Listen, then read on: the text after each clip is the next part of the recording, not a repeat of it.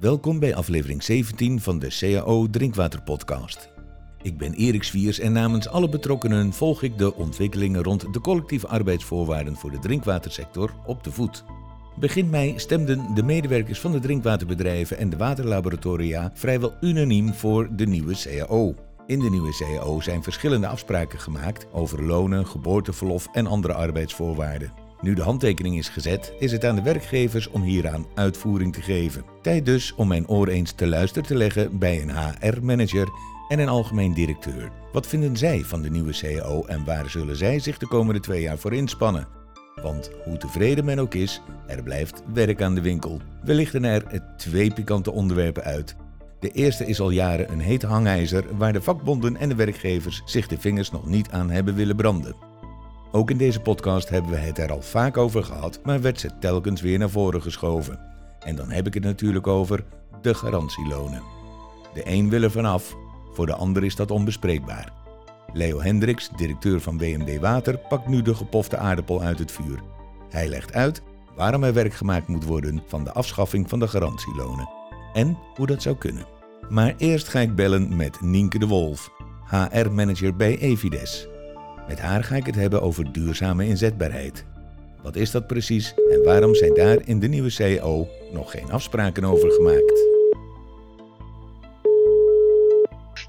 Goedemorgen Nienke met Erik Zwiers. Hey, goedemorgen. Hallo. Er is een, uh, een nieuwe CAO uh, uh, afgesloten. 87% gemiddeld van de medewerkers heeft voor de nieuwe collectieve arbeidsvoorwaarden gestemd. Een haast Noord-Koreaanse uitslag. ja, inderdaad. Hè? Dat, dat zouden we wel mogen, mogen stellen. Heeft dat, heeft ja. dat te maken met, met de nominale loonsverhoging die nu iedereen krijgt?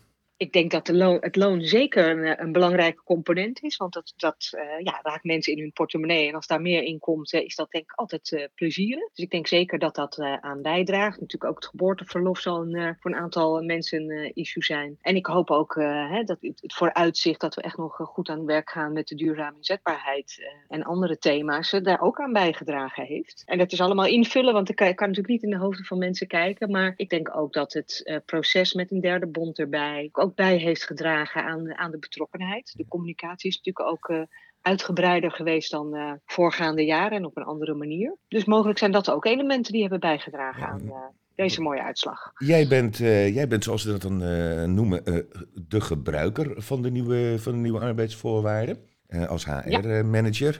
Ja. Wat vind jij zelf van de nieuwe CAO? Um, ik ben blij met de nieuwe CAO. Het salarisverhoging is een mooi item. Ik ben blij dat die voor twee jaar is afgesloten. Dat geeft uh, uh, zowel de werknemer als onze werkgevers ook de rust en de ruimte om daar goed mee aan de slag te gaan. En wat ik net ook al aanstipte, de paritaire werkgroep op, paritaire werkgroepen op verschillende onderdelen. en vooral het thema personeelsbeleid nou, denk ik dat ons echt mooie uh, handvaten gaat geven om uh, nou, de aantrekkelijke uh, branche die we al zijn, hè, aantrekkelijke werkgever, om dat ja. te bestendigen en verder uit te werken. Ja, dus, ja. ja, wat me nou opvalt is eigenlijk dat jij zegt dat jij trots bent op iets wat nog niet in de CAO staat, maar er pas over twee jaar in zou moeten kunnen gaan staan, waar dan nu in, over gesproken moet gaan worden in paritaire werkgroepen. Zoals de duurzame inzetbaarheid. Waarom is dat een onderwerp wat nu nog niet verder uitgewerkt is in de CAO en in een paritaire werkgroep eerst nog uitgewerkt moeten worden? Ik denk dat hè, wat je ziet is dat er binnen de verschillende bedrijven al heel veel gebeurt op het onderwerp duurzame inzetbaarheid. Daar zitten, zitten verschillen in. Hè. De ene organisatie is daar al verder in uh, dan de ander. Wij binnen Evides zijn daar al een hele tijd heel hard mee aan de slag en hebben veel stappen gezet. Maar het is ook een complex onderwerp, omdat duurzame inzetbaarheid, waar dat in het verleden misschien nog wel werd gekoppeld aan vooral de oudere werknemer, uh, een heel breed thema is. Dus het gaat over uh, hoe ga je om uh, met een piekbelasting als je jonge kinderen hebt? Hoe ga je om als je moet mantelzorgen? Hoe ga je om met, hey, ik merk dat ik misschien talenten heb die in deze functie niet tot terecht komen, maar ik wil graag onderzoeken waar het wel zit. En hoe kan ik mezelf daarin ontwikkelen? Dus het is een heel breed thema, wat je denk ik ook heel zorgvuldig moet bekijken van, goh, wat kunnen we naast initiatieven die al binnen het bedrijf ontwikkeld zijn en ingezet worden, ook op brancheniveau uh, binnen onze eigen uh, waterbedrijven en laboratoria, et cetera, gaan inzetten. Je zegt, dit is al een, een, onderwerp wat eigenlijk al een tijdje speelt. En verschillende bedrijven binnen de sector die hebben daar ook al hun eigen afspraken over gemaakt met, uh, met medewerkers. Wat maakt dat dit de duurzame inzetbaarheid als paraplu-term voor eigenlijk een heleboel, uh, een heleboel onderwerpen, dat, het, dat dat nu zo hoog op de agenda is komen staan? Ik denk dat daar een aantal dingen uh, in, in meespelen. Je ziet natuurlijk dat wij een branche zijn met deels oudere werknemers. Je ziet dat de arbeidsmarkt heel dynamisch is. Je ziet dat jongere mensen uh, niet meer vaak kiezen voor een hele lange functie bij één bedrijf. Hè, dus dat daar mhm. veel meer beweging in zit. Dus wat je wilt is een, werkgever te zijn die voor alle doelgroepen interessant is. En daar is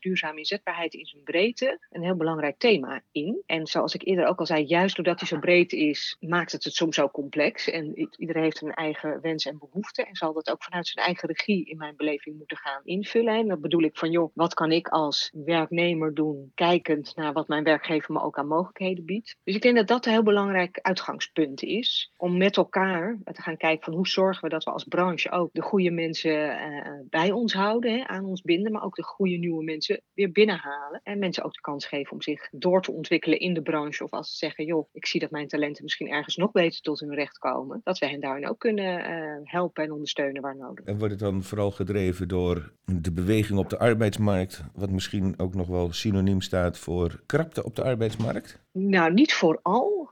Um, ik denk dat je, wat we ook echt zien is dat we heel veel goede mensen in onze organisatie hebben. En dat we ook zien dat er gewoon andere dingen van mensen gevraagd wordt. Je ziet dat data en digitalisatie thema's zijn die steeds belangrijker worden. Dat vraagt van onze medewerkers eh, andere competenties, andere vaardigheden, andere kennis. Daarin is het belangrijk dat we zorgen dat een medewerker dat ook zich mee kan ontwikkelen als daar de uh, talenten zitten. Mhm. En de, de, wendbaarheid die je toch ziet, hè, de veranderingen in de, in de wereld om ons heen gaan heel snel. En hoe zorgen we dat we daar goed, uh, goed op in blijven spelen? Dat maakt dat je daar als, uh, als organisatie met elkaar moet kijken welke competenties hebben we nodig. Hebben we die in huis? Hoe kunnen we dat ontwikkelen met elkaar? Het liefst met de mensen die al in huis zijn, maar mogelijk ook met mensen die van buiten komen. Dus, dus ja. zijn eigenlijk een, een, een meer meer elementen die daaraan bijdragen. Ja, en de medewerkers zelf, wat willen die nu, uh, nu eigenlijk? Als je het hebt bijvoorbeeld, hè, dit is nu wat nu in de CAO is afgesloten, vijf weken geboorteverlof en dan tot 100% van je salaris uh, aangevuld. Hè, dat was een mooie, een mooie stap vooruit natuurlijk. En dat, daarvan zal geen enkele uh, medewerker zeggen, doe mij maar niet een geboorteverlof, vermoed ik. Nee, dat denk ik ook niet. maar wat geven de medewerkers nog meer aan van wat voor hun dan belangrijk is in die duurzame inzetbaarheid? Want jongere generaties, uh, medewerkers, hè, daar waar je de instroom van, uh, van zult moeten hebben, die hebben weer heel andere wensen dan, uh, dan de oudere generaties.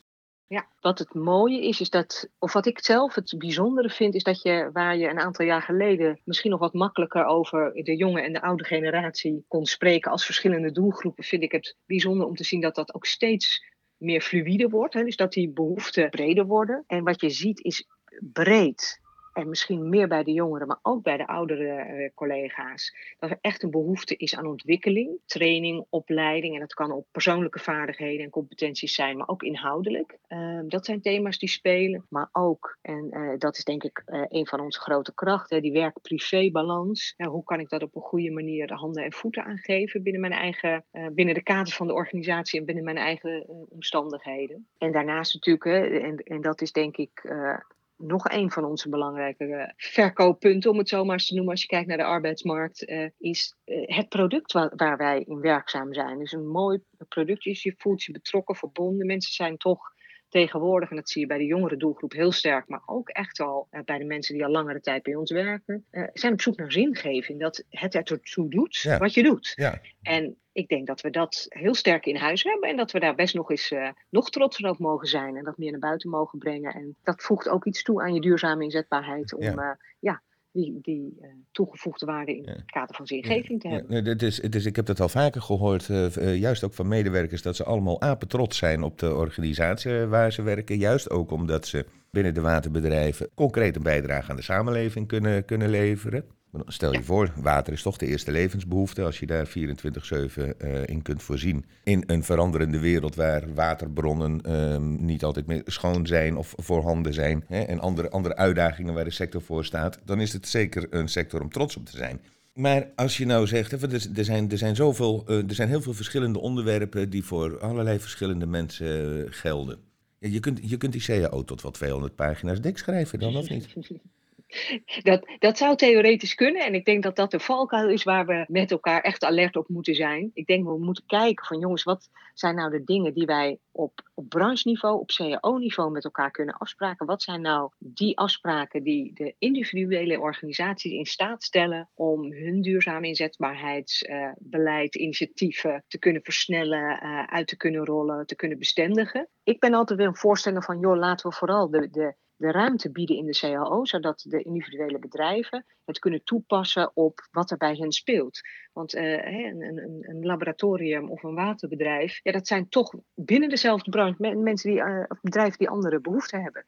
Ik ben niet de voorstander van 200 pagina's. Nee, nee niet alles dichttimmeren. Ik bedoel, geen, uh, nee. hè, geen regeerakkoord in elkaar sleutelen, vermoed ik. Dat dat niet, ge, nee. niet gewenst is. Maar te veel breedte kun je dan ook weer niet laten, want dan, in, wat er in de huidige CAO is afgesproken met betrekking tot bijvoorbeeld vervroegde uitdiensttreding, is dat er de mogelijkheid bestaat, maar dat je het met je werkgever zelf overeen moet, uh, moet, uh, moet komen. Dat kan nog wel eens tot, uh, tot discussie leiden, denk ik. Maar niet om deze discussie nu met jou aan te gaan, maar waar ik wel nieuwsgierig naar ben, is hoe zou zo'n paritaire werkgroep of werkgroepen moeten werken om tot een set, want dat is wat jullie willen uiteindelijk. Over twee jaar moeten dan uit die paritaire werkgroep een aantal voorstellen liggen die de onderhandelaars in de CAO-onderhandeling mee kunnen nemen voor de nieuwe CAO hoe moet die werkgroep te werk gaan? En ga jij er zelf in zitten? Um, Mag je dat laatste.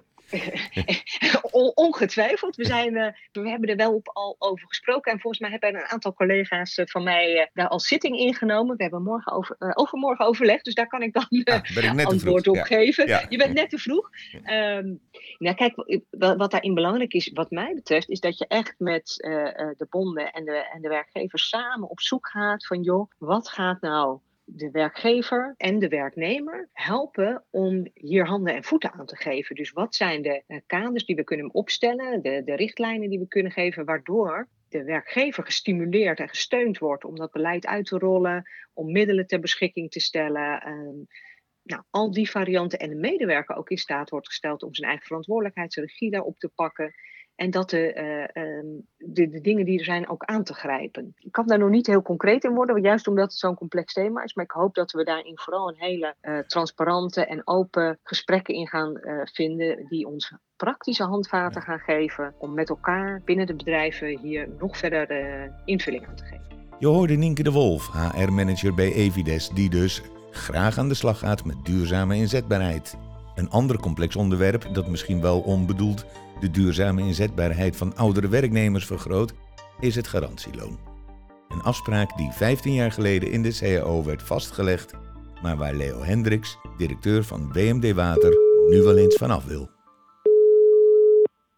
Hey, goedemiddag met Leo Hendricks. Dag Leo, je spreekt met uh, Erik Zwiers van de CAO Drinkwaterpodcast. Het, uh, het blokje waar ik het met jou over wilde hebben zijn de garantielonen. Mooi. Ja, Ehm, de, de garantielonen zijn een terugkerend onderwerp die met name bij de vakbonden en de werknemers op uh, verzet stuiten wanneer daaraan gemorreld wordt. Zou jij mij kunnen vertellen waarom zijn die eigenlijk überhaupt ooit ingevoerd? Ja, dat, uh, het, ze staan, er wordt trouwens vooral door de uh, vakbonden is er wat aan de hand, want wij willen er graag aan morrelen als werkgevers. En ja, die garantielonen die zijn ontstaan toen in 2006, dus dat is al wat jaartjes geleden, een nieuw loongebouw is ingevoerd op basis van de HEE-systematiek. Nou, uh, en die uh, inschaling uh, die leidde ertoe, die was eigenlijk wat lager. Die was voor een heleboel functies lager dan de bestaande inschalingen. En toen is er voor, door de vakbonden gezegd, nou, wij willen die nieuwe HEE-systematiek wel accepteren. Maar dan moet er een garantie komen dat de mensen die nu hoger zijn ingeschaald, dat ze dat loon altijd houden. Dus wat er gebeurt is, iedereen is netjes ingeschaald in de HE-systematiek en heeft vervolgens daarbovenop uh, een, uh, een, garantie gekregen. Uh, afhankelijk natuurlijk van hoe groot die was, is die garantie voor iedere medewerker anders. Ja, daarmee behield men zijn, zijn oorspronkelijk loon, want dat was het doel Klopt. natuurlijk. Klopt. En nu wil je er vanaf.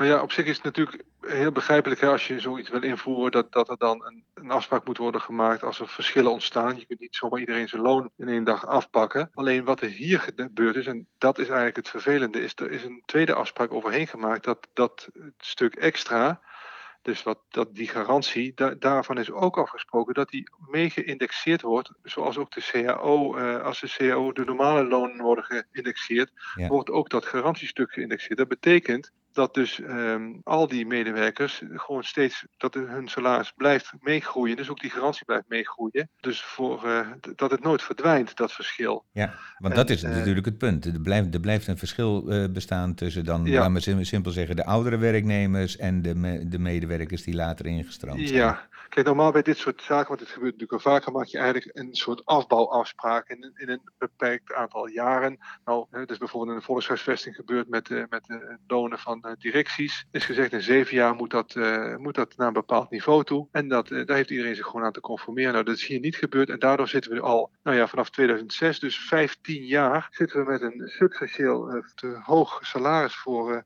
een heleboel mensen. Dan moet je bij WMD, maar ik denk dat bij andere, andere drinkwaterbedrijven niet anders is. dat was ongeveer de helft. Het is nu iets minder geworden, want er gaan natuurlijk een paar mensen steeds uit. Maar het is nog steeds um, rond de 45 procent. en dan moet je er denken dat die uh, dat die mensen uh, gemiddeld 5000 euro per jaar meer ontvangen dan de mensen die geen garantie hebben. En per saldo komt dat uh, bij WMD op een 350.000 euro op jaarbasis. en ja, dat, als je naar onze klanten kijkt, dan betaalt iedere drinkwaterklant bij ons ongeveer 2 euro per jaar om die garanties maar te kunnen blijven betalen. Ja, en als we nog, en dat, dat is dus nog voorlopig niet afgelopen, want er zitten echt mensen bij die nog jarenlang niet zullen krijgen. Dus we moeten nog ongeveer totaal 3 miljoen euro betalen de komende jaren, alleen voor die garanties. Nou, dat is dus één aspect waarom we daarvan af willen. We betalen eigenlijk, uh, onze klanten betalen, want daar gaat het over, voor iets wat uh, eigenlijk niet betaald hoeft te worden. Want de mensen die dat werk, die dat geld krijgen, die leveren gewoon prima werk. Maar de, de beloning die daarvoor staat, die is niet meer in verhouding tot uh, wat ze leveren. Als je dan het tweede punt krijgt, is natuurlijk wat je terecht zegt. Er zijn collega's die doen precies hetzelfde werk en die krijgen substantieel minder. Um, en daar ontstaat dus ongelijkheid. En uh, nu zijn al die collega's zo netjes dat ze dan niet al te veel van zeggen, want ze vinden dat niet leuk voor hun andere collega's. Maar het is er wel. Mm -hmm. Maar een van de, het derde punt, en dat is misschien wel het meest uh, lastige, gaat over die medewerkers zelf. Die zitten natuurlijk in een gouden kooi. Want uh, ja, als jij substantieel meer verdient en weet, ook, weet dat je de komende jaren nog bij het drinkwaterbedrijf tienduizenden euro's extra vangt, dan zit je in een gouden kooi. Je gaat niet weg. Je hoeft je eigenlijk ook ja. niet meer te ontwikkelen, want je kunt je toch niet verbeteren. Ja. Dus het is, een, het is een, um, ook voor jouw ontwikkeling is het gewoon een hele negatieve stimulans het lijkt een mooie oplossing. Hè? We gaan iedereen maximale geld bieden, maar uiteindelijk is het op lange termijn een hele vervelende uh, ja, ja. Uh, gezwel in een organisatie. Ja, ja, dat snap ik. Maar zie maar eens die 5 mil gemiddeld per werknemer dan hem dan maar af te nemen. Nou ja, dat is heel simpel. Dat kan gewoon niet, hè? want het is een, een recht en het is ook verankerd in de CAO. Ja. Dus er zijn eigenlijk maar twee mogelijkheden om, uh, om daar vanaf te komen. Dat is dat je met iemand een afspraak maakt van, goh, zullen we het afbouwen? Nou ja, dan, zijn maar weinig mensen die dat natuurlijk willen. En tweede is, we gaan kijken of jij op een functie kan komen die wel uh, recht geeft op het salaris wat je nu verdient.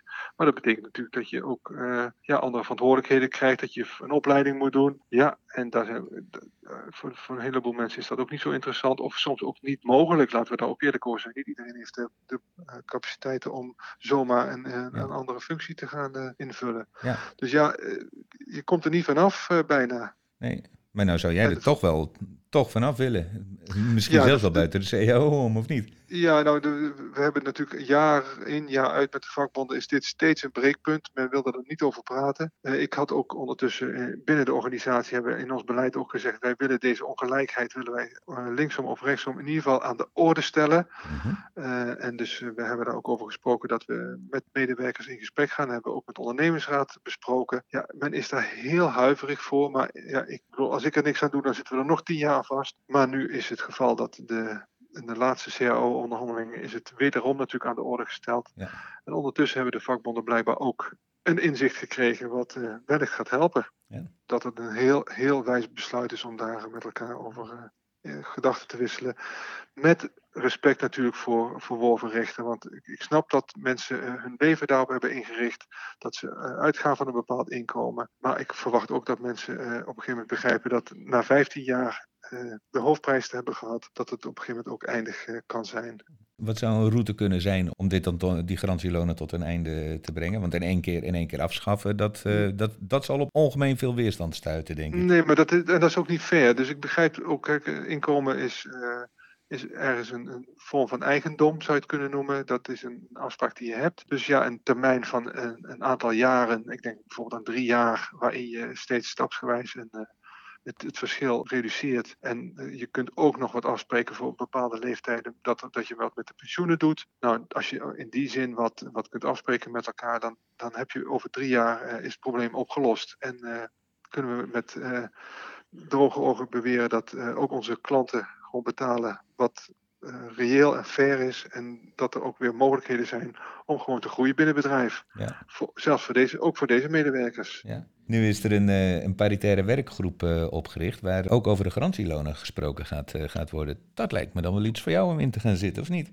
Ja, ik zou er heel graag over meedenken. Ik heb, zoals ik zei, ik heb in de volkshuisvesting gewerkt en daar heb ik gezien hoe dat dan. En dat was van heel, was voor een hele specifieke groep. Hè, dat ging over de bestuurders die echt veel te veel verdienden. Mm -hmm. Daar moest ook wat aan gebeuren. Mm -hmm. En ik heb gezien hoe dat gegaan is. Dat was ook allemaal niet leuk en vervelend, maar het is wel, het is wel uh, goed gegaan. Want het was voor iedereen helder wat de afspraken waren. Dus ik, ik zou daar best over mee willen denken. Want uiteindelijk zit dit soort, dit soort dingen is ingewikkeld. Maar de, de goede afspraak zit in de details. Of het, of het uiteindelijk acceptabel is of niet. Of er een goede algemene principe is wat iedereen uiteindelijk ook kan uitleggen. Nou, ik hoop eigenlijk dat we met die partijen daarover uh, kunnen praten. En ik ben zeer bereid om daarin uh, mee te doen.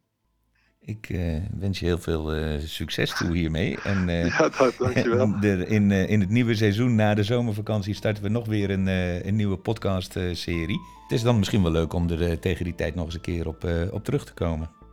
Dat is prima. Dan, ja. dat vind ik leuk.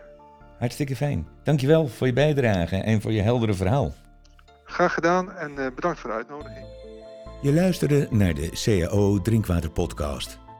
In seizoen 2 praten we met de vakbonden en de werkgevers over collectieve arbeidsvoorwaarden drinkwaterbedrijven.